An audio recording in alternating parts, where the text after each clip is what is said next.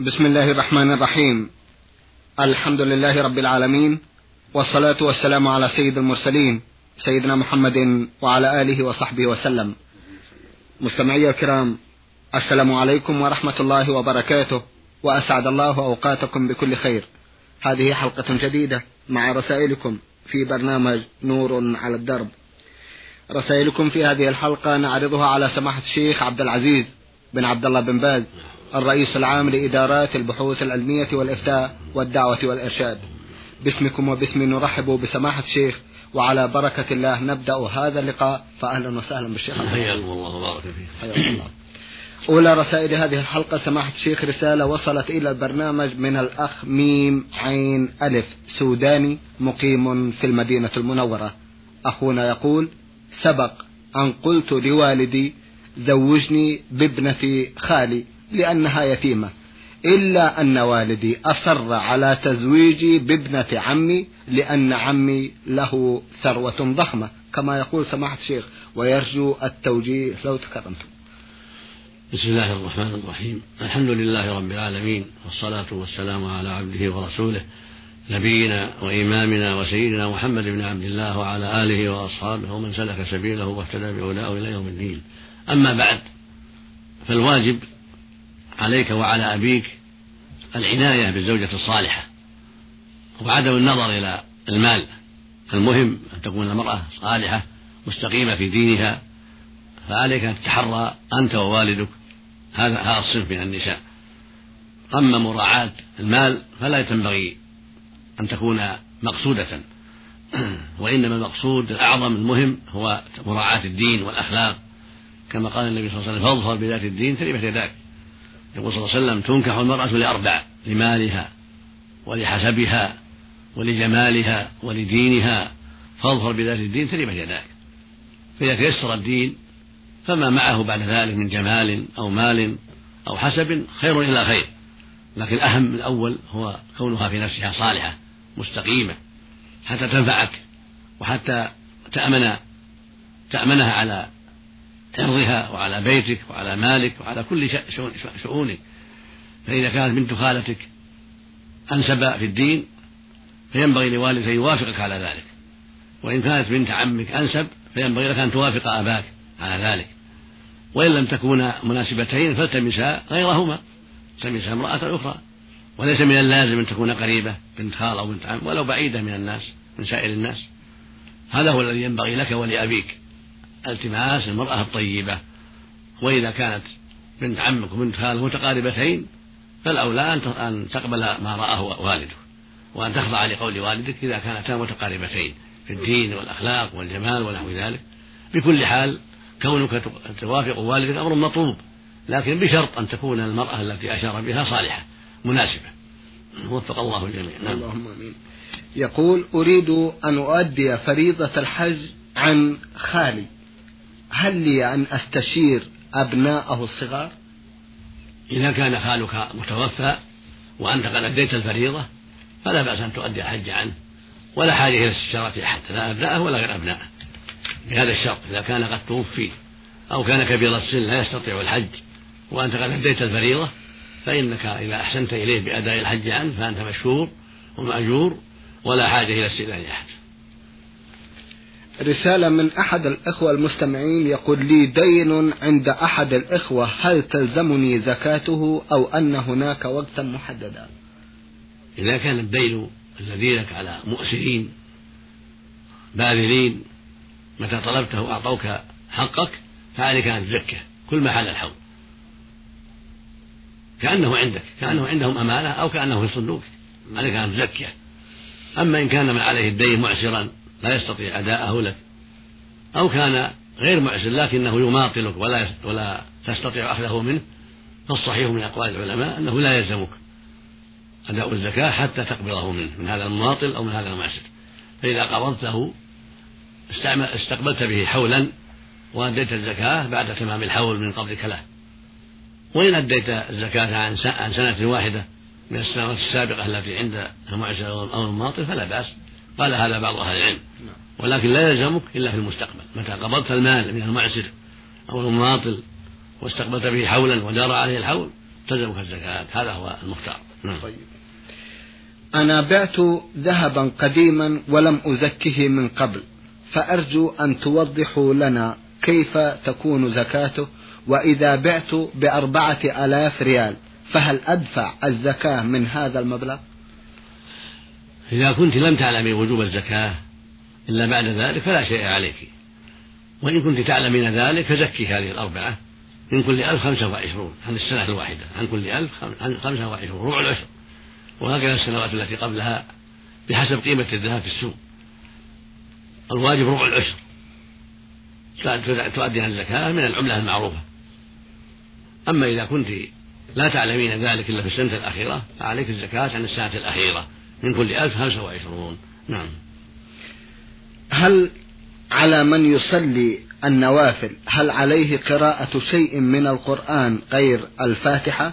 وأنا أداوم في ركعتي الفجر خاصة على سورتي الإخلاص. المشروع لمن كان يصلي النافلة في الليل أو في النهار أن يقرأ مع الفاتحة ما تيسر. هذا هو الأفضل. أما الوجوب فلا تجب إلا الفاتحة لا يجب إلا الفاتحة. في ركن الصلاة. إذا قرأها كفت ولكن إذا قرأ معها زيادة آيات أو سورا أخرى كان أفضل. كان النبي صلى الله عليه وسلم يقرأ الفاتحة ويقرأ معها زيادة عليه الصلاة والسلام. ويقول صلى الله عليه وسلم لا صلاة لمن لم يقرأ بفاتحة الكتاب فصاعدا فالأصل هو الفاتحة.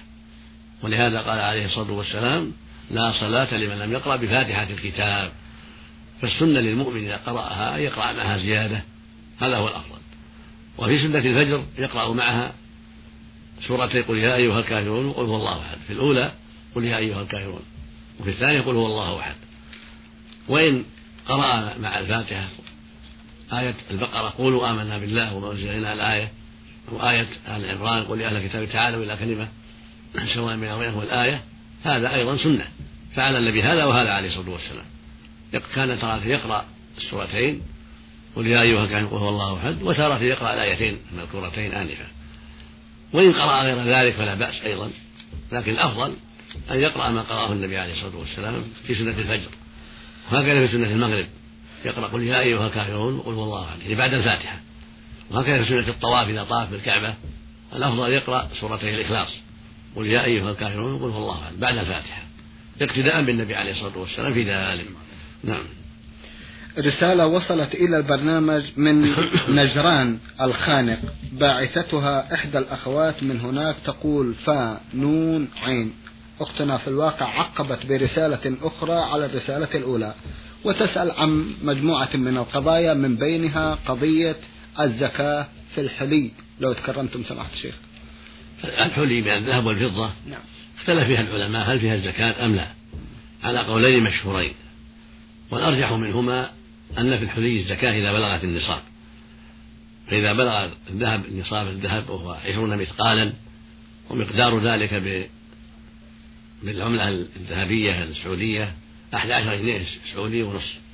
ثلاثة أسباع جنيه لكن نص أوضح أحد عشر جنيه ونص نعم. وإن قلت أحد عشر جنيه وثلاثة أسباع فصحيح. لكن النص أوضح للناس أحد عشر جنيه ونص والفرق بين ثلاثة الأسباع والنصف شيء يسير. فإذا بلغت الحلي من الذهب هذا المقدار أحد عشر جنيه ونصف جنيه فأكثر فإن فيها الزكاة على الصحيح وهي ربع العشر من كل ألف خمسة وعشرون من المئة اثنان ونصف. ومقدار ذلك بالجرام 92 جرام مقدار ذلك بالجرام المعروف 92 فإذا بلغ الحلي هذا المقدار وجبت الزكاة وهكذا الفضة. إذا كان عند المرأة حلي من الفضة تزكيها إذا بلغت 140 مثقالا. ومقدارها بالدرهم السعودي 56 ريال سعودي. هذا هو الواجب لأنه ثبت عن النبي صلى الله عليه وسلم أنه قال ما من صاحب ذهب ولا فضة لا يؤدي زكاتها إلا إذا كان يوم القيامة صفحت له يوم القيامة صفائح من نار فيكوى بها جنينه وجنبه وظهره. الحديث. وهذا يعم الحلي وغير الحلي. نعم. كذلك ثبت عنه صلى الله عليه وسلم أنه دخلت عليه امرأة في يد ابنتها مسكان مسكتان من ذهب يعني سوارين من ذهب. فقال أتعطي زكاة هذا؟ قالت لا. قال يسرك يشورك الله بهما يوم القيامة سوارين من نار فألقتهما قالتهما لله ولرسوله. وثبت أيضا أنه صلى الله عليه وسلم سألته أم سلمة عن فريق كانت تلبسه تلبسها من الذهب فكنز هذا؟ فقال ما بلغ يزكى فزكي فليس بكنز. فدل ذلك على أن الحلي تعتبر كنزا إذا لم تزكى. فالواجب على المرأة أن تزكي ما عندها من الحلي من الذهب والفضة إذا بلغت النصاب كما تقدم. وحال عليها الحول. نعم. أختنا تسأل سؤال سبق وأن طرح سماحة الشيخ. تقول إنه في بعض المستشفيات يقوم بولادة الحريم وكشف عوراتهن دكتور رجل. فهل في ذلك إثم؟ وهل هو حرام في الشريعة؟ وهل يلحق المرأة إثم؟ أفيدونا أفادكم الله. الواجب على المسؤولين أن يهيئوا لهذا نساء. وقد سبق التفاهم معهم في ذلك فوعدوا غير وأنهم حريصون على تأمين طبيبات وأنهم سوف يبذلون وقد بذلوا الجهد الكثير في أن يتولى توليد النساء النساء. هذا هو الواجب. فإذا لم يتيسر ذلك وكيف على المرأة من عدم تولي الرجل توليدها وأنه يخشى عليها من ذلك فلا حرج فاتقوا الله ما استطعتم. إذا دعت الحاجة والضرورة إلى ذلك فلا بأس وإلا فالواجب أن لا يولدها إلا النساء. فإذا لم يوجد النساء فلا حاجة إلى التوليد لأن الناس مضى عليهم دهور طويلة ما يحتاجون إلى توليد الأطباء. تلد المرأة في بيتها والحمد لله. لكن إذا خيش خيف عليها أو خشي عليها فتوليد الرجال لها لا بأس به عند الحاجة. طيب. هل في استعمال المرأة للمناكير؟ التي تطلى بها الأظافر. هل في ذلك إثم؟ لا نعلم شيئا في هذا لكن تركها أولى لعدم الحاجة إليها. ولأنها قد تحول بين المرأة وبين الوضوء الشرعي لأنها قد تنسى أو تجهل. الحاصل أن تركها أولى والاكتفاء بالحنة الذي درج عليه الأوائل أولى فإن دعت الحاجة إلى ذلك أو استعملت ذلك فإنها تزيلها عند الوضوء تجعلها في وقت العادة وقت الحيض أو النفاس. أو تجعلها في غير ذلك لكن تزيلها عند الوضوء لأنها فيما بلغنا لها جرم وتحول بين الماء وبين الوصول إلى البشرة لأن لها جسما فالواجب على فالواجب على المرأة أن تزيل ذلك عند الوضوء فإذا جعلته وقت الطهارة فلا بأس. نعم. رسالة باعثها أحد الإخوة يقول عطلة المطلق من العقبة في الأردن. صدر رسالته بقوله برنامج نور على الدرب الذي يعتبر بحق إنارة وتوعية وهداية لكل من ألقى السمع. أما الذين سدوا أو سدت أسماعهم فلا نسلم من شر ألسنتهم التي هي مجرد وسيلة للكلام. بارك الله بكل من ساهم ولا زال يساهم في البرنامج الديني الاجتماعي القيم. الأسئلة. ألاحظ بعض المصلين وقد طالت أظافرهم واحتشت بالأوساخ النجسة فهل هذا يتفق مع الدين؟ وهل يصح وضوءهم؟ الأظهار ينبغي قلمها وتعاهد وتعاهدها قبل الأربعين. الرسول صلى الله عليه وسلم وقت للناس في قلم الظهر وحلق العانة ونكش الإبط وقص الشارب ألا يترك ذلك أكثر من أربعين ليلة. هكذا ثبت الحديث عن رسول الله عليه الصلاة والسلام. قال أنس رضي الله عنه وهو خادم النبي صلى الله عليه وسلم قال وقت لنا في قص الشارب وقلم الظهر ونتف الإبط وحلق العانة ألا نترك ذلك أكثر من أربعين ليلة خرجه الإمام مسلم في صحيحه. خرجه أحمد والنسائي والجماعة بلفظ وقتنا رسول الله صلى الله عليه وسلم ألا نترك الأظفار والشارب وحلق العانة. ونفس الأرض أكثر من أربعين ليلة. فالواجب على الرجال والنساء أن يلاحظوا هذا الأمر. فلا يترك الظهر ولا الشارب ولا العانة الشعرة ولا الإبط أكثر من أربعين ليلة. الرجل يتعاهد والمرأة تعاهد الرجل يتعاهد ظهره وشاربه وعانته وإبطه حتى لا تجتمع الأوساخ هناك. ليست نجسة الأوساخ ليست نجسة. لكنها مستقذرة ينبغي ملاحظة ما قاله النبي صلى الله عليه وسلم. اللهم صل عليه. وكذلك المرأة تلاحظ ذلك في ظهورها وعانتها وإبطها كما قاله النبي عليه الصلاة والسلام من باب النظافة والنزاهة. والرسول صلى الله عليه وسلم جاء بكل خير ودل على كل خير عليه الصلاة والسلام ونهى عن كل شر. نعم. ألاحظ الاختلاف في إرخاء اللحى وإطلاقها.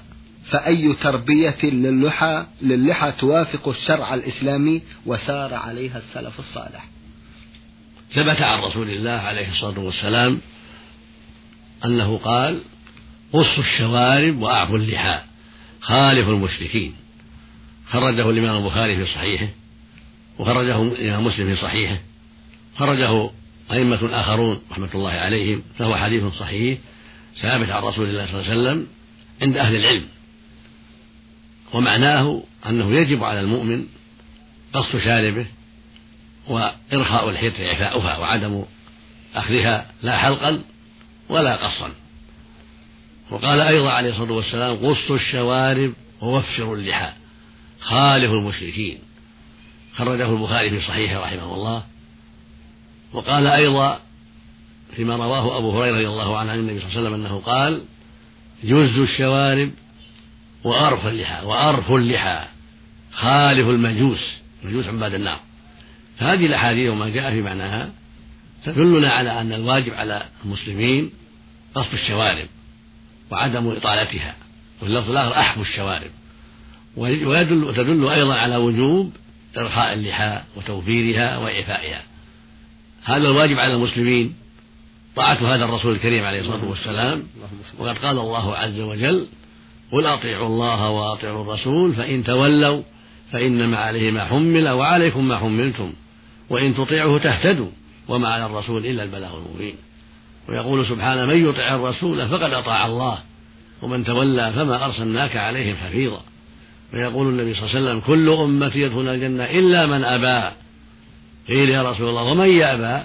قال من أطاعني دخل الجنة ومن عصاني فقد أبى. الواجب على أهل الإسلام هو العناية بطاعة الرسول صلى الله عليه وسلم في كل شيء في الصلاة والزكاة والصيام والحج والجهاد والأمر بالمعروف والنهي عن المنكر وإعفاء اللحى وقص الشوارب وعدم إسبال الثياب إلى غير ذلك. كل ما جاء به الرسول صلى الله عليه وسلم يجب علينا أن نأخذ به فعلا للأوامر وتركا للنواهي وهذا هو طريق الجنة وطريق السعادة. يقول الله سبحانه في كتابه العظيم تلك حدود الله. ومن يطع, ومن يطع الله ورسوله يدخله جنات تجري من تحتها أنهار خالدين فيها وذلك الفوز العظيم. ومن يعص الله ورسوله ويتعدى حدوده يدخله نارا خالدا فيها وله عذاب مهين. ويقول سبحانه قل يا أيها الناس إني رسول الله جميعا الذي له ملك السماوات والأرض. لا إله إلا هو يحيي ويميت فآمنوا بالله ورسوله النبي الأمي. الذي يؤمن بالله وكلماته واتبعوه لعلكم تهتدون. الهداية والسلامة والنجاة والفلاح في اتباعه صلى الله عليه وسلم وطاعة أوامره وترك نواهيه. ويقول جل وعلا في كتابه العظيم قل إن كنتم تحبون الله فاتبعوني يحبكم الله ويغفر لكم ذنوبكم. فمن كان يحب الله ويحب رسوله عليه الصلاة والسلام فعليه أن يتبع هذا الرسول العظيم عليه الصلاة والسلام. فاتباعه والتمسك بما جاء به هو السبيل الوحيد وهو الطريق للمغفرة ودخول الجنة والنجاة من النار ولمحبة الله للعبد. وفق الله الجميع. نعم. اللهم آمين. منعا للأحاديث الدنيوية في المساجد. هل يصح أن نستمع إلى برنامج نور على الدرب بدلا من أحاديث بعض المصلين الفارغة؟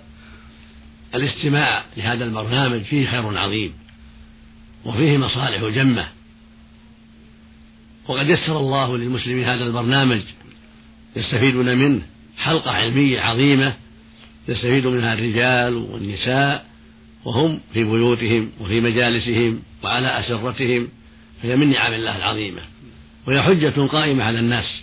هذا البرنامج حجة قائمة. وصل إليهم في بيوتهم وفي سياراتهم وفي طائراتهم وفي كل مكان. فالواجب على المسلمين أن يستفيدوا من هذا البرنامج وأن يحمدوا الله ويشكروه على ما يسره لهم سبحانه وتعالى.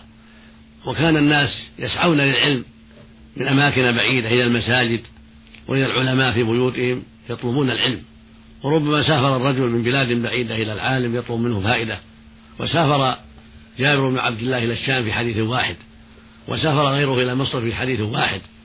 وهم أصحاب النبي عليه الصلاة والسلام. فأنت يا عبد الله وأنت يا أمة الله يسر الله لكما هذا البرنامج من من الأثير وأنتم في بيوتكم. أنتم في فروشكم أنتم في مساجدكم في أي مكان. هذه نعمة من الله عظيمة. فأنا أوصي وأنصح كل مسلم وكل مسلمة أن يستفيد من هذا البرنامج. وأن يسأل عما أشكل عليه من طريق هذا البرنامج. وهذه نعمة من الله عظيمة يسرها للمسلمين. فأسأل الله يوفق القائمين على هذا البرنامج لإصابة الحق وأن يعينهم على إبلاغ رسالة الله وأمره ونهيه للأمة في كل مكان وأن يوفق المسلمين في كل مكان إلى أن يستمعوا هذا البرنامج ويستفيدوا منه وإذا أشكل على أحد من ذلك شيء وتوقف في شيء فليعد السؤال ويسأل أهل العلم في أي مكان حتى يطمئن. نعم. رزق الله جميع التوفيق والهداية. نعم. اللهم آمين. سؤال أخينا لو تكرمتم سماحة الشيخ بالنسبة للاستماع إلى برنامج في المساجد. لا بأس لا بأس فتح الراديو في المسجد لسماع هذا البرنامج نعم. أو لسماع العلم غير هذا البرنامج لا بأس به طيب. فإذا جاء الموسيقى جاءت الموسيقى أو جاء شيء لا يرضى يقفل مم. يقفل عما لا يرضى مم. ويفتح عن, عن العلم والقرآن ونحو ذلك طيب طيب هل يصح أن يحتفظ بالزكاة من أجل إعطائها لأحد الفقراء الذين لم أتصل بهم بعد إذا كانت المدة يسيرة غير طويلة فلا بأس سيحتفظ بالزكاة حتى يعطيها بعض الفقراء من أقاربه أو من هو أشد فقرا وحاجة. لكن لا تكون مدة طويلة تكون مدة أيام غير كثيرة. نعم. طيب. وسواء في ذلك زكاة الأموال أو الأبدان سمحت نعم نعم. لكن زكاة البدن لا. تقدم على العيد. أيوة. زكاة البدن يجب تقديمها على صلاة العيد. كما أمر النبي صلى الله عليه وسلم. اللهم صل وتخرج قبل العيد بيومين أو ثلاث لا بأس. نعم. لكن إذا هي لا تؤجل. لا تؤجل بعد العيد لا. بارك الله فيكم. هل تصح هل يصح إعطاء الزكاة لذمي؟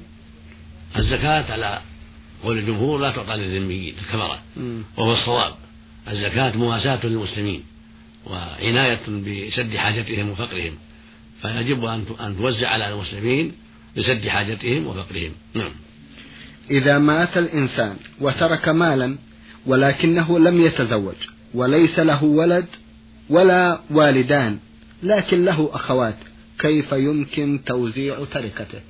إذا مات الإنسان وليس له والد ولا ولد ولا زوجة وإنما خلف أخوات تقسم ترك على الأخوات يعطاها الأخوات فرضا وردا. نعم. إن كان إن كانت واحدة أخذت المال كله وإن كان كنا اثنتين قسم بينهما وإن كنا ثلاث كذلك قسم بينهن على السواء إذا كنا من جهة واحدة كأخوات أشقاء جميعا أو أخوات لأب جميعا أو أخوات لأم جميعا يقسم بينهم كالعصبة فرضا وردا. فإذا ترك مثلا ثلاث أخوات من أمه وأبيه جعل المال بينهن أثلاثا فرضا وردا. على أصح قول العلماء. يعطى الثلثين فرضا والباقي ردا. وهكذا يكون أخوات لأب ثلاثا أو أربعا أو أكثر يعطون المال فرضا وردا الثلثين فرضا والباقي ردا كالعصبة. وهكذا لو كنا أخوات من الأم سنتين أو أكثر يعطون الثلثين فرضا والباقي ردا في أصح قولي العلماء. أما إن كنا مختلفات فإنه يوزع بينهن على حسب فروضهن. فإذا كان الموجود أختا شقيقة وأختا لأب وليس هناك عصبة ما وراء عصبة لا بني عم ولا غيره. ما في عصبة ما في الأخوات أخت شقيقة وأخت لأب يجعل المال بينهم على أربعة سهام ثلاثة للأخت الشقيقة وسهم للأخت الأب وهو السدس. فرا وردا. تأخذ السدس فرا وردا. والشقيقة تأخذ النصف فرا وردا. أصلها من ستة. يعطى النصف. الشقيقة النصف ثلاثة. والأخت الأب السدس واحد تكمل الثلاثين. يبقى اثنان يردان عليهما. طيب. يعطى الأخت لأب نصف واحد والأخت الشقيقة واحد ونصف. فيرجع الأمر إلى أربعة. يرجع الأمر إلى أربعة من ستة فيكون المال بينهن بينهما على أربعة سهام. للشقيقة ثلاثة سهام فرضا وردا وللأخت الأب فرضا سهم واحد فرضا وردا. وهكذا لو كانت أخت شقيقة ومعها أخت لأم تعطى الشقيقة ثلاثة من ستة فرضا وردا والأخت لأم واحد فرضا وردا ويرجع الأمر إلى أربعة مثل ما تقدم الشقيقة والأخت الأب نعم. وهكذا لو كان أخت لأب مع أخت لأم تعطى الأخت لأب النصف وتعطى الأخت لأم السدس واحد يبقى اثنان يردان عليهما. فرجع فترجع المسألة إلى أربعة. الأخت الأب ثلاثة فرضا وردا والأخت الأم واحد فرضا وردا. أما إن كان موجود أخوات لأم اثنتين أو أكثر وليس له عصبة بالكلية لا بني عم ولا غيرهم فإن المال يعطى لأخوات الأم فرضا وردا. الثلث فرضا والثلثان ردا عليهما اثنتين أو ثلاث أو أكثر. لهم لهن الثلث فرضا والبقية ردا عليه رد عليهن. فإذا كنا ثلاث صار بينهن أثلاثا وإذا كنا أربع صار بينهن أرباعا. لأخوات الأم مثلا. نعم. أو أخوة الأم ذكور لأن فرضهم الثلث إذا كنا اثنين فأكثر. وما زاد هو له بالرد. فإذا كان إخوة الأم ذكور أو إناث أو ذكور وإناث فأمرهم واحد ويرثهم سواء على السواء. لا فرق بين الذكر والأنثى. يعطون الثلث فرضا والباقي ردا عليهم. طيب. نعم. سماحة الشيخ انتهى وقت هذه الحلقة. كلنا أمل أن يتجدد اللقاء وأنتم والمستمعون على خير إن شاء الله تعالى. نرجو ذلك والحمد لله. اللهم آمين. مستمعي الكرام كان لقاؤنا في هذه الحلقة مع سماحة الشيخ عبد العزيز بن عبد الله بن باز الرئيس العام لإدارات البحوث العلمية والإفتاء والدعوة والإرشاد. من الإذاعة الخارجية سجلها لكم أخونا عبد الله عريف الحربي. شكرا لكم جميعا وسلام الله عليكم ورحمته وبركاته.